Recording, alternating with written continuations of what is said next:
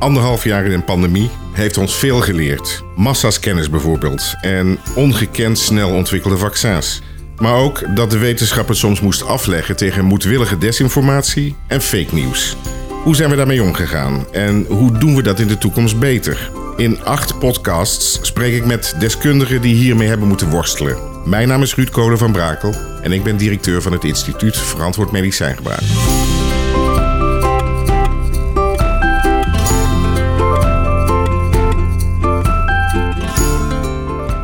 Welkom, Rudy Bauma. Zou je jezelf willen introduceren? Ik ben verslaggever bij Nieuwsuur al heel lang. Ik denk wel ruim 20 jaar tenminste. Vroeger heette het Nova. Algemeen verslaggever, dus doe uh, van alles. Maar ik heb wel een uh, nou ja, expertisegebiedje opgebouwd de afgelopen paar jaar. En dat komt voort uit mijn interesse in desinformatie en complottheorieën en sociale media en algoritme en nou alles wat ermee samenhangt. dus daar maak ik wel ja, wat meer onderwerpen over dan, dan andere dossiers. maar ik doe in principe van alles. Dus je bent de afgelopen anderhalf jaar goed aan je trekken gekomen. Zeker, ja. ja finest uh, hour. Wat, wat, wat is jou nou opgevallen aan afgelopen anderhalf jaar? Is, is, is dit nu echt een uitzonderlijke situatie of is het iets wat we eigenlijk vaker hebben gezien en moeten we het accepteren als iets wat bij deze samenleving hoort?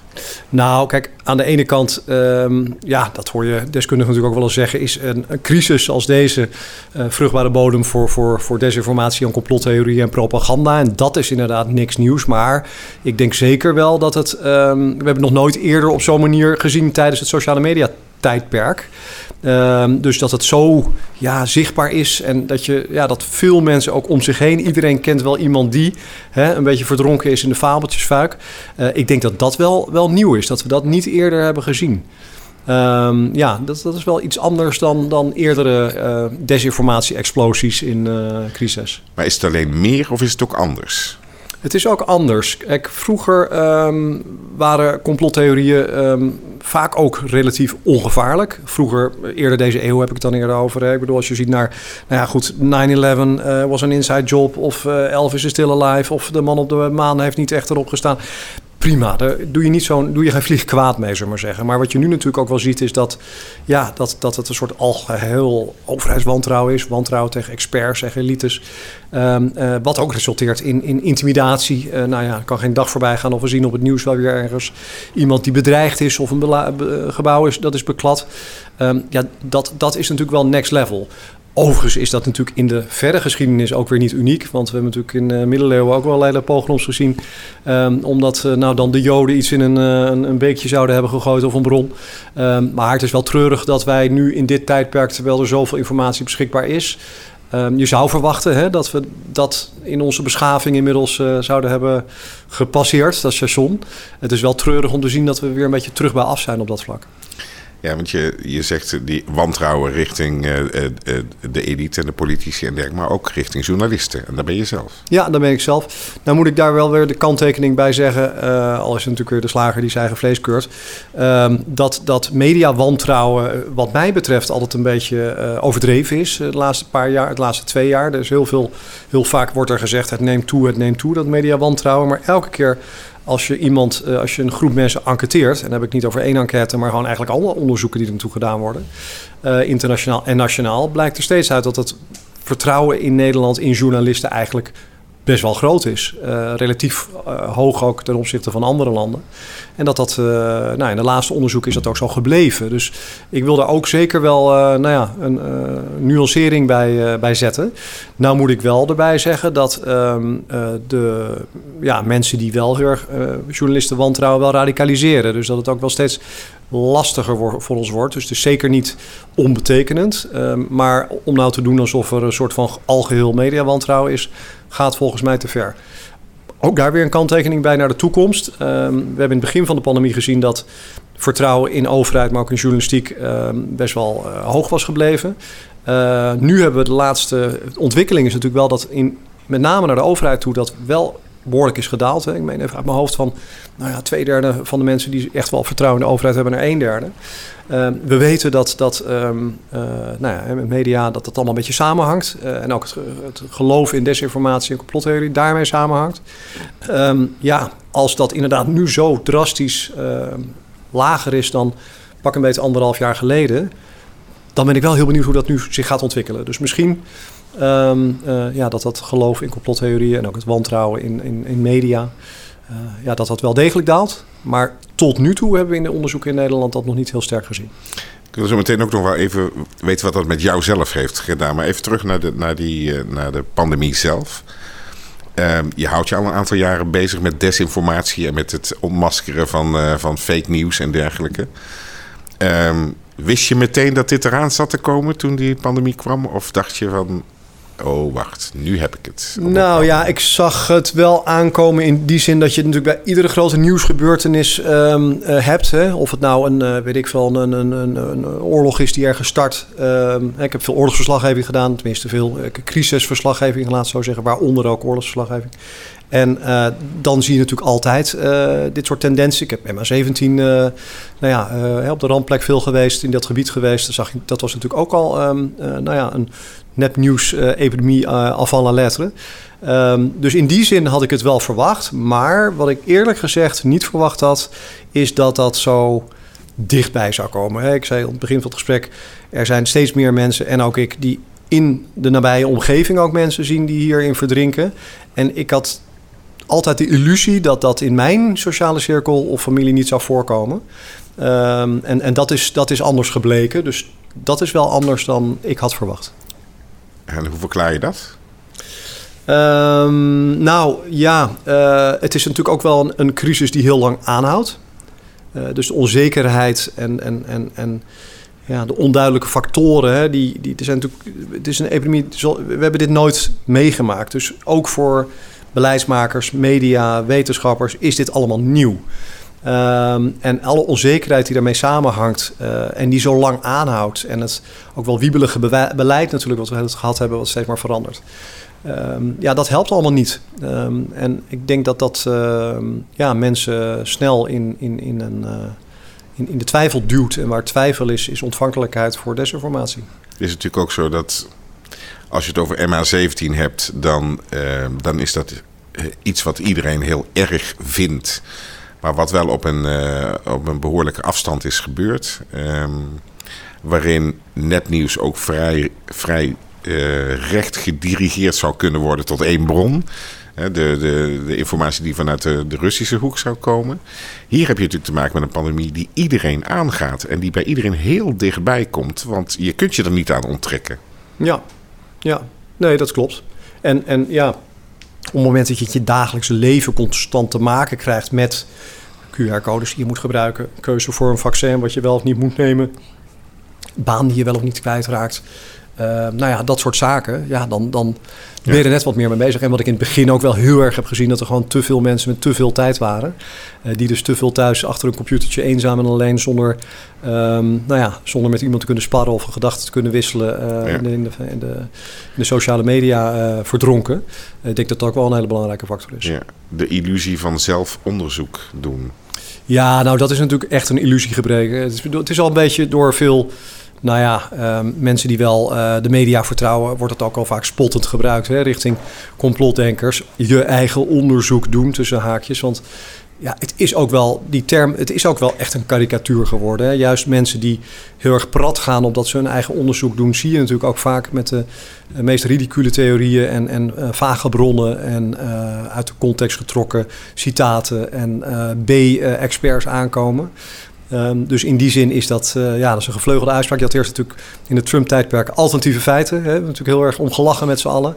En nu is de term nou ja, uh, eigenlijk vervangen door eigen onderzoek doen. Dat is nu toch wel uh, ja. exemplarisch. En als we gaan kijken naar de, naar de inhoud... Sorry.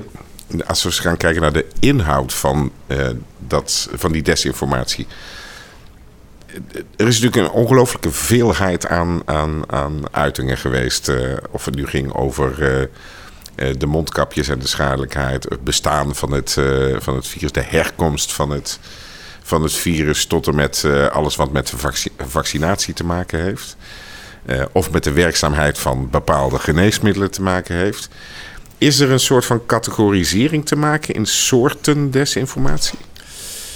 Ja, we kunnen een paar van de onderwerpen die je nu noemt straks langs gaan. Maar wat betreft de categorisering zie ik wel een categorie hè, van, nou ja, de meest ridicule dingen. Dus dan, daar schaar ik maar even onder uh, de, de, de, chips in de vaccins en de magnetische uh, vaccins en de, de bodegraven complottheorie rond satanisch ritueel misbruik door Jaap van Dissel. En nou ja, dat er elites in tunnels onder de Den Haag kinderen zouden misbruiken. Nou, bedoel, dat, is, dat schaar ik maar even tussen de echte, echte bizarre theorieën, waar natuurlijk maar een kleine groep is die daar echt in gelooft.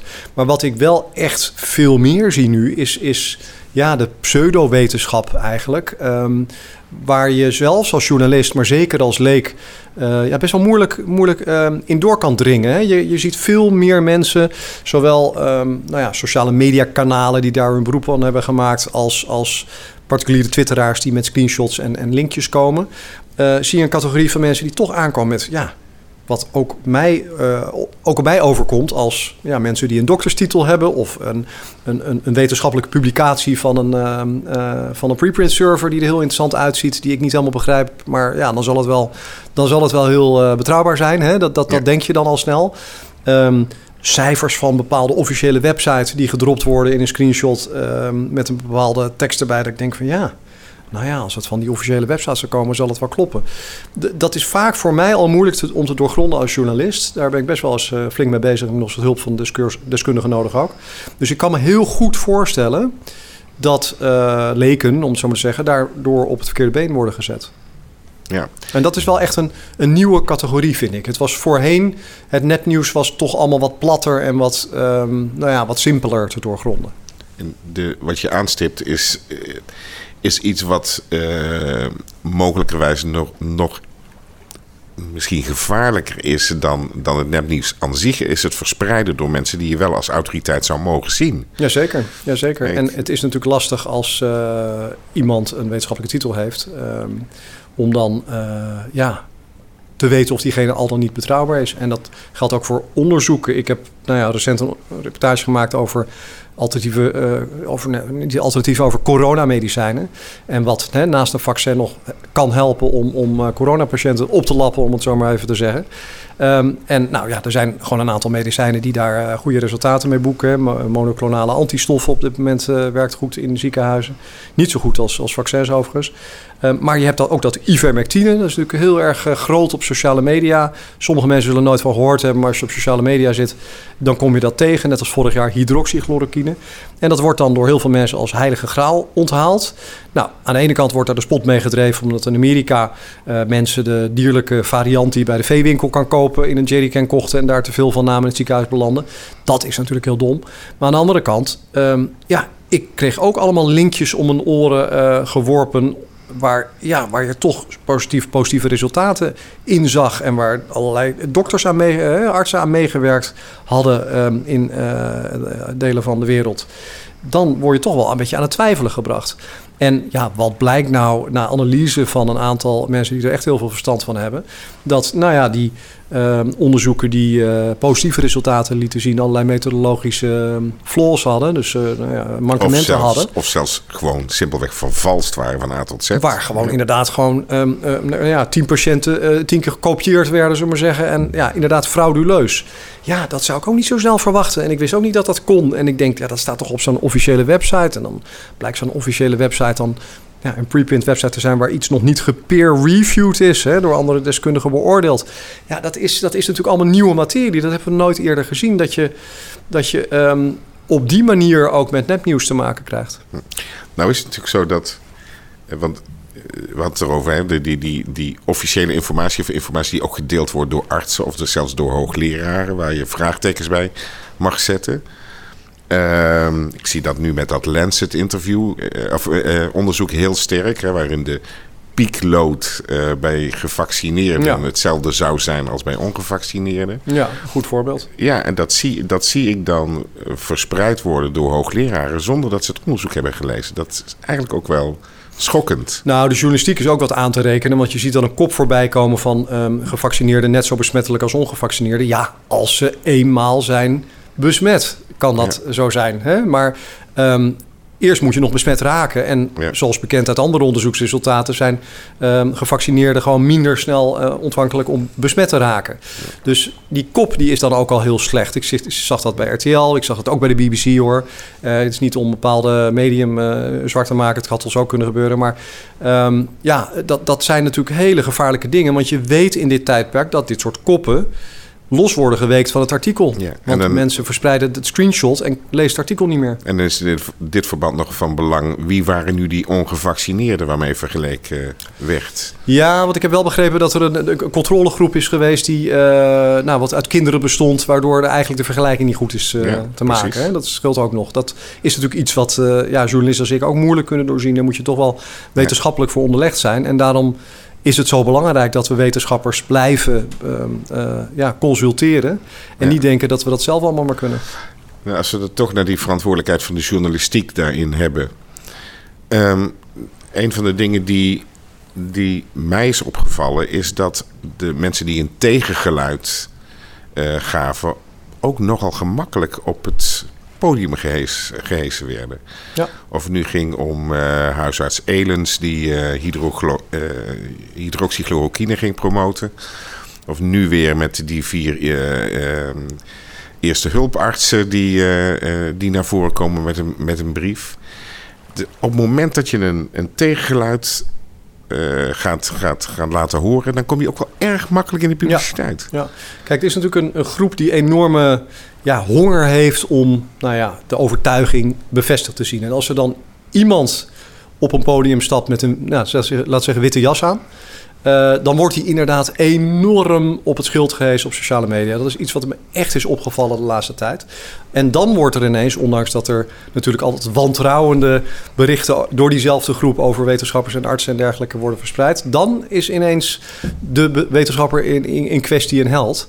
Want die bevestigt wat ze al dachten. En wij als journalistiek worden vaak kwalijk genomen, wordt vaak, vaak kwalijk genomen dat we uh, nou ja, het dissidente geluid uit, uit die groepen wat te weinig aan het woord laten. Um, maar ja, ook daarbij geldt weer het probleem van false balance. Hè, wat je in de klimaatdiscussie natuurlijk ook langer hebt gezien. Uh, dat als je elke keer een, um, nou ja, een, een, dissidente huisarts die vindt dat, weet ik veel, vaccinatie uh, niet verstandig is, tegenover een pro-vax huisarts zet.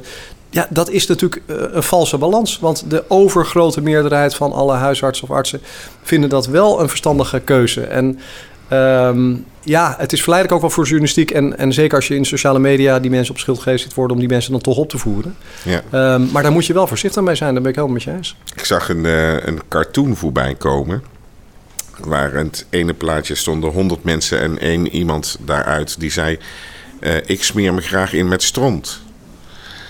En de rest stond me aan te kijken van ben je helemaal goed bij je hoofd. En de volgende uh, plaatje was een talkshowtafel met die persoon die zich graag insmeert met stront en iemand er tegenover. En de, de talkshow-host die zegt dan ook van... ja, dit is uh, meneer X en die smeert zich graag in met stront. En deze meneer vindt dat raar. Alsof dat een soort van heel normaal iets is... dat je inderdaad in, ook in een soort van evenwichtige discussie moet gaan, uh, gaan uh, ja. bespreken. Ja. Nou ja, even los van de strontvergelijkingen, die laat ik verder uh, aan de cartoon maken. Maar uh, je hebt het over talkshows. Met name bijvoorbeeld op één heeft natuurlijk daar vaak kritiek op gehad dat ze allerlei. Uh, nou, niet, niet altijd deskundige mensen aan tafel lieten. Je hebt het net over Rob Elens. Ik had toevallig voor een reportage ook via redacteur contact met hem afgelopen week. En die ja, die heeft dan allemaal patiënten die, hele, uh, ja, die op zijn geknapt met ivermectine en vorig jaar met hydroxychloroquine. Hij is beboet hè, voor het, uh, het, het, um, voorschrijven van ivermectine. Um, maar zelfs ik als niet-wetenschappelijk geschoolde journalist um, ja, mijn boerenverstand uh, kan ook beredeneren dat dat op zich niet zoveel zegt. Want ze zeggen zelf al, het gaat om een middel wat je vroeg moet toedienen, bij vroege COVID. Hè, dus als je niet al te ziek bent. Ja, de meeste mensen die knappen sowieso op uh, als, ze, uh, als ze niet al te ernstige COVID hebben. Ik heb het zelf ook gehad. Um, dus ja, dat zegt niet zoveel. Je moet het natuurlijk afzetten tegen een, een controlegroep. En zolang je dat niet doet, zeggen die die patiënten die zogenaamd goede ervaringen hebben met ivermectine niets. Want je weet niet wat er gebeurd was als je het niet had gegeven. Dus ja, het is, het is, het is wetenschappelijk totaal niet interessant. Nee, dat was bij hydroxychloroquine deed hij hetzelfde. Had hij tien patiënten, waarvan er notabene een, een episode van hartfalen doormaakte. Nou, dat is ook ja. nog eh, heel fraai. Eh, desalniettemin is, eh, is, eh, is hij naar voren geschoven als een van de eh, mensen die, eh, die de mond gesnoerd wordt. Hè? Want dat is soms het, het, het, het adagium dan. Ja. Je mag tegenwoordig niks meer zeggen. Ja, je mag juist heel veel zeggen tegenwoordig. Maar mensen zijn wel boos als, nou ja, als eh, eh, mensen als meneer Elens dan te weinig eh, media-aandacht krijgen. Ik vind dat overigens wel meevallen, want je, zei zelf al, of ik zei zelf al, hij heeft in opeen gezeten. Nou, waar, wat wil je nog meer, zou ik zeggen.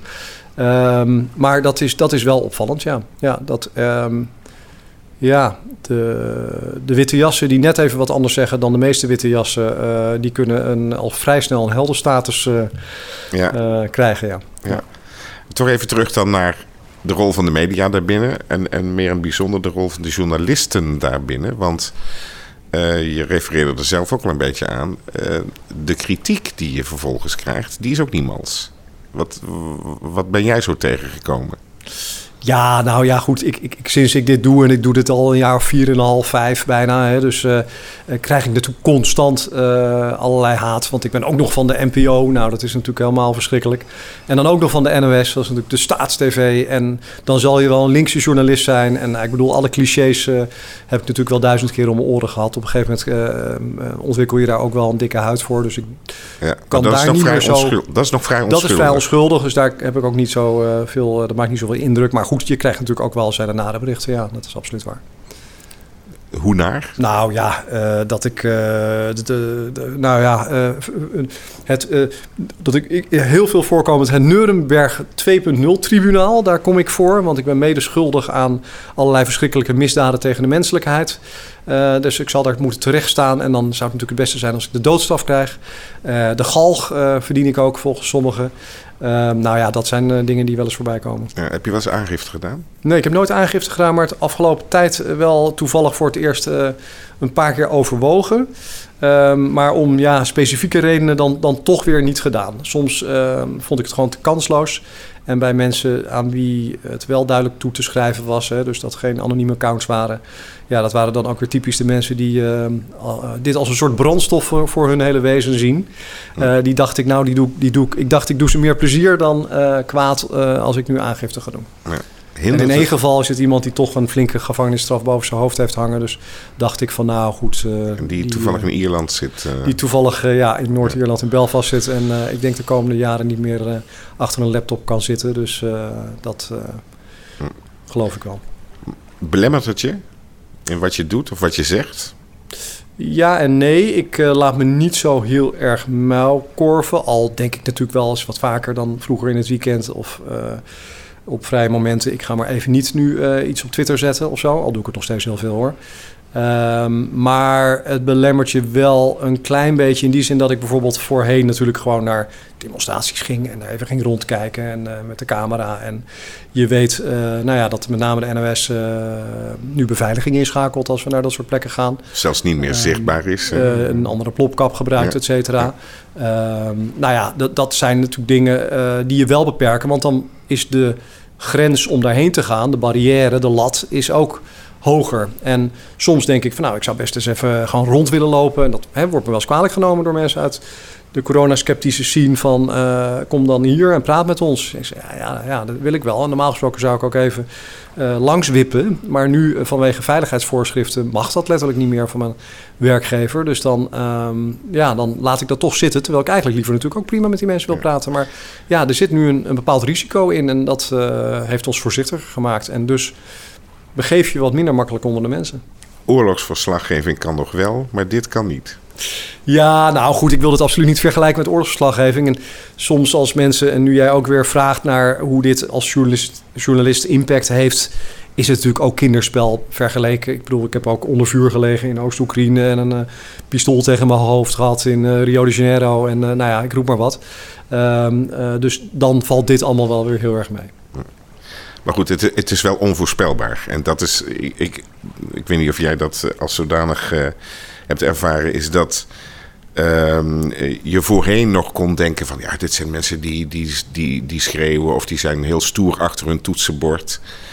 Maar te vaak zie je uh, incidenten plaatsvinden waar mensen echt doorgedraaid zijn en gaan handelen naar datgene wat ze geroepen hebben. Goed voorbeeld is natuurlijk de Molotov aanval, Molotov cocktail aanval moet ik zeggen, ehm, in het Groningse huis van journalist Willem Groeneveld. Waar ik toevallig een paar maanden daarvoor nog was voor een reportage over onveiligheid van journalisten. Dat was toevallig ook de dag dat het uitgezonden werd.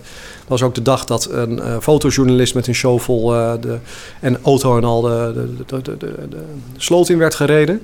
Uh, ik was toen bij Willem Groeneveld omdat hij een steen door zijn ruit had gehad, eerder al. Ehm, dat werd met name, ja, zocht hij met name in de scene van huisjesmelkers in Groningen, waar hij veel kritisch over heeft geschreven. Maar in dit geval Zoals inmiddels bekend ging het ook om corona-demonstranten, om uh, anti-corona maatregeldemonstranten, betogers. Um, uit de nou ja, complotscene, zullen we zeggen. Die uh, staan, meen ik, 3 december uh, op de regiezitting um, in Groningen. Ja, en dat is natuurlijk wel andere koek als, als je een molotov cocktail door je ruit krijgt. Gelukkig hingen bij hem al camera's door zijn werkgever verschaft vanwege dat steenincident. Hmm. Waardoor ze snel in de kraag zijn gevat. Maar dat is, uh, dat is wel verschrikkelijk en daar sta ik zelf natuurlijk ook wel bij staan. Als we even de, de, de, de, soorten desinformatie maar even aan de kant zetten. Wat moeten we ermee? Hoe moeten we er eigenlijk mee omgaan? Want die worsteling zie je bij iedereen. Ja, zeker. zeker. Dat is absoluut een worsteling. En ja, ik heb natuurlijk wat langer te maken met die worsteling, omdat ik al pre-corona met die uh, materie te maken had. Dus ik heb er wat meer denk ik, over nagedacht dan andere journalisten. Um, maar het is nog steeds iedere keer een afweging maken. Ik werd toevallig gisteren in een ander interview in naar gevraagd. En toen werd er gevraagd: van, ja, wat zijn je criteria? Ja, die criteria die kan je eigenlijk niet zomaar opstellen. Ik heb wel wat vuistregels. Kijk, aan de ene kant, die ligt voor de hand als een, een desinformatieverhaal een complottheorie echt viraal gaat en echt een groter publiek bereikt. Uh, dan is het natuurlijk ook tijd voor de media om, om dat uh, te ontkrachten, te debunken, te verslaan.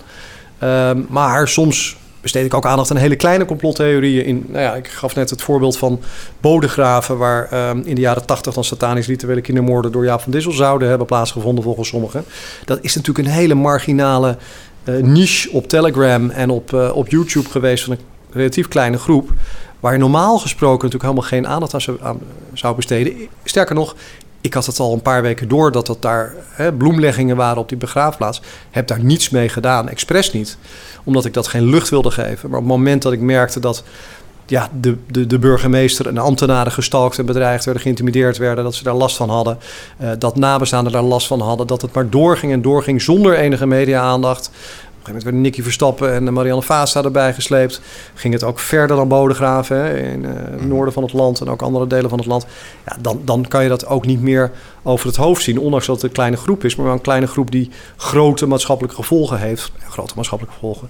Um, misschien overdreven, maar in ieder geval impactvolle maatschappelijke gevolgen. En misschien ook wel grote, hè, want er zijn nu een heel aantal rechtszaken al gevolgd waarbij Um, flinke gevangenisstraffen zijn uitgedeeld voor een aantal van deze complotdenkers. En er komen nog een heel stel van deze rechtszaken aan. En die aanklachten zijn niet, uh, niet mals. Aandacht besteden aan desinformatie of aan alternatieve waarheden, dat is één. Er tegen ingaan is natuurlijk nog iets anders wat je kunt doen. Ja, uh, ik denk dat het in veel gevallen toch nodig is. En um, ja, als je merkt dat er virale verhalen zijn op sociale media, dan kun je bijna niet anders dan die ook wel corrigeren. En ik heb dat te weinig gezien, zowel vanuit de overheid als vanuit de journalistiek als vanuit, uh, laten zeggen, de medische wereld. Je ziet lokaal wel wat dingen hoor. In Utrecht bijvoorbeeld een reportage gemaakt en heeft de GGD dan wel van die ja, TikTok-filmpjes gemaakt waarin nou ja, de magnetische werking van vaccins, et cetera, werd gedebunked en zo. Hè. Um, maar ik denk wel dat je veel meer kan doen. Je hebt ook natuurlijk heel veel onrust gezien uh, over nou ja, serieuzere kwesties, onvruchtbaarheid bij vrouwen, wat natuurlijk een hardnekkige is. En dat, dat, echt geen, ja, dat is echt geen um, uh, kleine groep die dat vindt hoor. In mijn beleving zijn het echt wel grote groepen vrouwen die denken van ja, uh, je weet het niet. En wat ik wel weet is dat als ik jong, als, als gezonde jongeren vrij weinig kans op ziekte door COVID maak. Dus dan neem ik maar het zekere voor het onzekere. Dat is dan de gedachte. En ik denk dat je daar best wel um, als overheid veel meer voorlichting tegenaan mag gooien. Um, Uh, en niet alleen maar een, een, een, ja, een honderd keer uh, herhaald reclamespotje op tv, wat ik in het begin van de campagne met name heb gezien. Mm -hmm. En dat geldt ook voor de journalistiek. Veel journalisten houden het natuurlijk ook een beetje bij zichzelf, verslaan gewoon, um, uh, nou ja, wat ze altijd, hè, die doen gewoon aan verslaggeving. Maar al, als, je, als je als journalistiek constateert dat bepaald nepnieuws hardnekkig is, vind ik ook echt wel dat je dat mag ontkrachten en dat je daar goede informatie tegenover mag zetten. Ik vind echt wel dat je dat als journalistiek beter in de gaten mag houden. Het is echt wel, het is 2021 hè. Vind je dat de journalistiek te veel de facilitator is geweest van hoor, wederhoor en dat is het dan? Ehm, nou, ik denk dat journalistiek is de algemeen natuurlijk best wel meer. Um, dat is een gemakzuchtige manier van journalistiek. Hè? Is natuurlijk, je hebt vrij snel eh, weer een programma als je een, een talkshow tafel volzet met uh, verschillende gasten die het met elkaar oneens zijn, maar niet per se even deskundig zijn. Dus dat, dat tuurlijk is dat niet de manier van journalistiek die ik graag zie. Um, maar dit is weer wat anders. Dit is gewoon puur het. Uh, ja, ik heb het echt over fact-checks factcheck rubrieken misschien zelfs die je in omringende landen veel meer ziet dan in Nederland. Bijvoorbeeld bij de Belgen hè, zie je de VRT en KNAK en zo die structureel laten zien... oké, dit uh, circuleert er, wij hebben het gecheckt en dat hebben we zo en zo en zo en zo gedaan. Dit is een foto die viraal is gegaan. Wij hebben teruggezocht waar die foto nou eigenlijk vandaan komt. Dat doen we op deze manier. Het hele proces ook trans transparant maken, hoe je dat de mhm. journalistiek aanpakt, journalist aanpakt. En dan uiteindelijk is dan bijvoorbeeld de conclusie van... nou ja, de foto laat niet zien wat de, de, de plaatser ervan uh, erbij beweert. Dat bedoel ik. En dat, ja, je ziet dat, dat bijvoorbeeld uh, nu net uh, France 24, die is daar ook mee begonnen. In Amerika zie je natuurlijk al langer fact-check rubrieken, hè, uh, Politifact, maar Reuters doet het ook. Um, Snopes, dat soort rubrieken. grote Amerikaanse media zoals de New York Times doen dat ook. En wij doen dat gewoon niet zoveel in Nederland. We zijn er toch een beetje bang voor. Um, en we besteden wel aandacht aan, nou ja, uitwassen van, hè, van een beetje gekkies kijken, zullen we maar zeggen. in de, in de QAnon-sfeer bijvoorbeeld. Maar niet gewoon heel feitelijk bepaalde informatie ontkrachten. Zijn we daar te bang voor? Ik denk het wel. Ik, denk het wel. ik heb het zelf ook gemerkt in de journalistiek. De eerste onderwerpen, ook tijdens de pandemie, die ik zelf wilde maken binnen Nieuwsuur. Ja, dat werd ook niet altijd even uh, uh, groots onthaald. Er was altijd heel veel sceptisch bij. Moeten we zo'n groepje wel aandacht gaan geven? En dat is allemaal veranderd. En dat is ook intern hè, heeft men, mijn leiding, et cetera, echt ingezien van nou, dit is toch een, een serieuze factor uh, waar we rekening mee moeten houden. Dat zie je nu ook hè, met de vaccinatiegraad, et cetera. Want het is toch een beetje dezelfde groep, dezelfde vijver waarin ik vis met mijn uh, hm. verhalen. Um, maar ja, ik ben aan het begin ook wel eens door collega-journalisten uh, een beetje afgezeken van ga je nou aandacht besteden aan uh, met een enquête aan, aan nou ja, of uh, corona te maken heeft met 5G of mensen dat denken en zo. En ja, ik heb in het begin van de pandemie een enquête gedaan via Ipsos en er bleek uit dat 15% van de Nederlanders dacht dat corona een biologisch wapen is dat in een lab is gecreëerd, gemaakt. Hè? En um, nou ja, uh, dat, dat vind ik best een behoorlijk aantal. Overigens ben ik dit voorjaar dan weer afgezeken door um, opiniemakers en, en populistische politici die dan zeggen van... haha, zie je wel Rudy, je zei dat het complottheorie was, maar dat is het niet... want Biden heeft een onderzoek uh, verordeneerd. Um, nou, dat, dat, klopt overigens niet helemaal, want het ging ons om het biologische wapen hè, dat gecreëerd was, wat we als complottheorie hebben betiteld, niet om aan zich de optie dat het uit een lab ontsnapt zou kunnen zijn. Want dat is natuurlijk wel mogelijk. Maar goed, um, ook daarvan geldt dat uh, veiligheidsdiensten in Amerika uh, uh, ja, dat niet meer echt als een serieuze optie, in meerderheid in ieder geval, als serieuze optie beschouwen. Nee, maar je ziet bijvoorbeeld in, ik woon zelf in Wallonië. In Wallonië, daar, daar is de, hebben de tv-zenders ook afgesproken dat sommige mensen gewoon echt niet aan tafel komen. Ja, daar is een hele medialogica ja. over geweest. Hè? De aanpak van Wallonië om populistische politici te weren en die niet op te voeren in uh, ongeknipte interviews, dus niet in live interviews op te voeren. Ja, ja en ehm, ik, ik zeg dat niet om, omdat ik dat per se goed nee, vind. Nou, ik vind, het, ik, ik vind het ook niet goed. Ik, vind het, ik, ik zou er niet voor zijn. Nee, maar het tegendeel zie ik, eh, denk ik wel eens in Nederland te zien. Ja, maar niet in ons programma, vind ik zelf. Ik denk dat wij dat e- evenwicht wel hebben. Uh, als je kijkt op uh, sociale media en talkshowtafels... wordt er natuurlijk wel vaak gekozen voor de, de man of vrouw met de grootste mond... en niet per se met de grootste achterban. Um, en dat is inderdaad uh, de journalistiek aan te rekenen. Maar wij proberen dat toch echt wel evenwichtig te houden binnen ons programma. Ja. Nou, het wordt nog een uitdaging volgend jaar als Ongehoord Nederland in het bestel komt. Ja, als er nog iemand eh, over is. Hè? Want het loopt wel uh, vrij snel leeg af en toe. Nou, misschien is dat overdreven. Maar we hebben een aantal mensen zien weglopen. In het begin van de heide vanwege die um, uitspraken dat je holocaust-ontkenners aan tafel zou moeten kunnen uitnodigen bij een omroep. En nu taak ook Dankers, een nou, belangrijke man bij omroep on, ongehoord Nederland, die ook antisemitische uitspraken, tenminste, die antisemitische uitspraken uh, heeft gedaan. En uh, daardoor is opgestapt na onthullingen van de mainstream media, NRC Handelsblad in dit geval. Um, ja, dat is uh, uh, vaak zo bij dit soort organisaties. Natuurlijk bij Forum voor Democratie, wat dan de politieke tegenhanger is uh, van deze omroep. Dat ook gezien natuurlijk dat daar op een gegeven moment wel erg veel verloop was. Dus ja. ja. Wat, als, je, als je zou zeggen van nou, ik kijk nu anderhalf jaar terug. We zitten er nog wel even in. Hè, het zal nog wel even duren. Dus, maar we kunnen langzaam maar zeker de balans gaan opmaken. Er wordt ook waarschijnlijk een soort van parlementair onderzoek gedaan naar ja, en buitenparlementair onderzoeken. ook dat, maar dat, dat, loopt, dat blijft maar lopen. dat is een beetje een eenmansactie. Dat klinkt wat officiëler dan het is. Ja, ja, ja, maar dat blijft ook lopen. Dat soort initiatieven zullen we toch blijven zien. Um, wat zijn de twee belangrijkste lessen die we kunnen leren? Ja, dat is een goede. Nou, um, iets waar we het eerder gesprek over hebben gehad. Uh, kijk uit voor false balance. Dus um, doe niet alsof één dissidente uh, witte jas um, uh, staat voor per se een hele grote groep. En laat je ook niet te veel opfokken door mensen die dan nou ja, vinden dat je die dan toch echt uit moet nodigen. Ik denk echt wel dat het, dat het afgelopen anderhalf, twee jaar geleerd heeft. Kijk, ik bedoel, een, een, een, anderhalf jaar geleden zat Willem Engel geloof ik ook nog op tafel bij Op 1. En we zien nu dat hij totaal geradicaliseerd is. Ja, um, het was toen wel overigens met een goede reden, want hij had wel een rechtszaak gewonnen van, uh, van de staat. Dus dat is uh, journalistiek dan nog wel te verdedigen. Um, maar ik vind wel dat je um, daarvoor uit moet kijken. Uh, we hebben Maurice de Hond een paar keer horen roepen dat hij uh, zeker wist 100% dat er geen tweede golf zou komen. Nou, we weten ook hoe dat verlopen is. Toch blijft, hè, blijft hij een grote achterban houden. Als het gaat om dit soort vraagstukken. Maar je moet als journalistiek toch echt wel afvragen of je daar nog je voor moet lenen. Dat is les 1, dat was les 2? Ja, les 2. Les 2 is ook wel dat we als journalistiek um, denk ik, een dikke huid moeten hebben. En ook wel uh, nou, ons niet moeten laten afschrikken om in contact te komen met de kijkers en met de lezers. Want de neiging is natuurlijk voor journalisten heel erg dat als je wordt aangevallen op sociale media, wat al snel gebeurt, om je dan terug te trekken in je, nou ja, spreekwoordelijke ivoren toren, zoals we die vroeger uh, uh, werd ons verweten.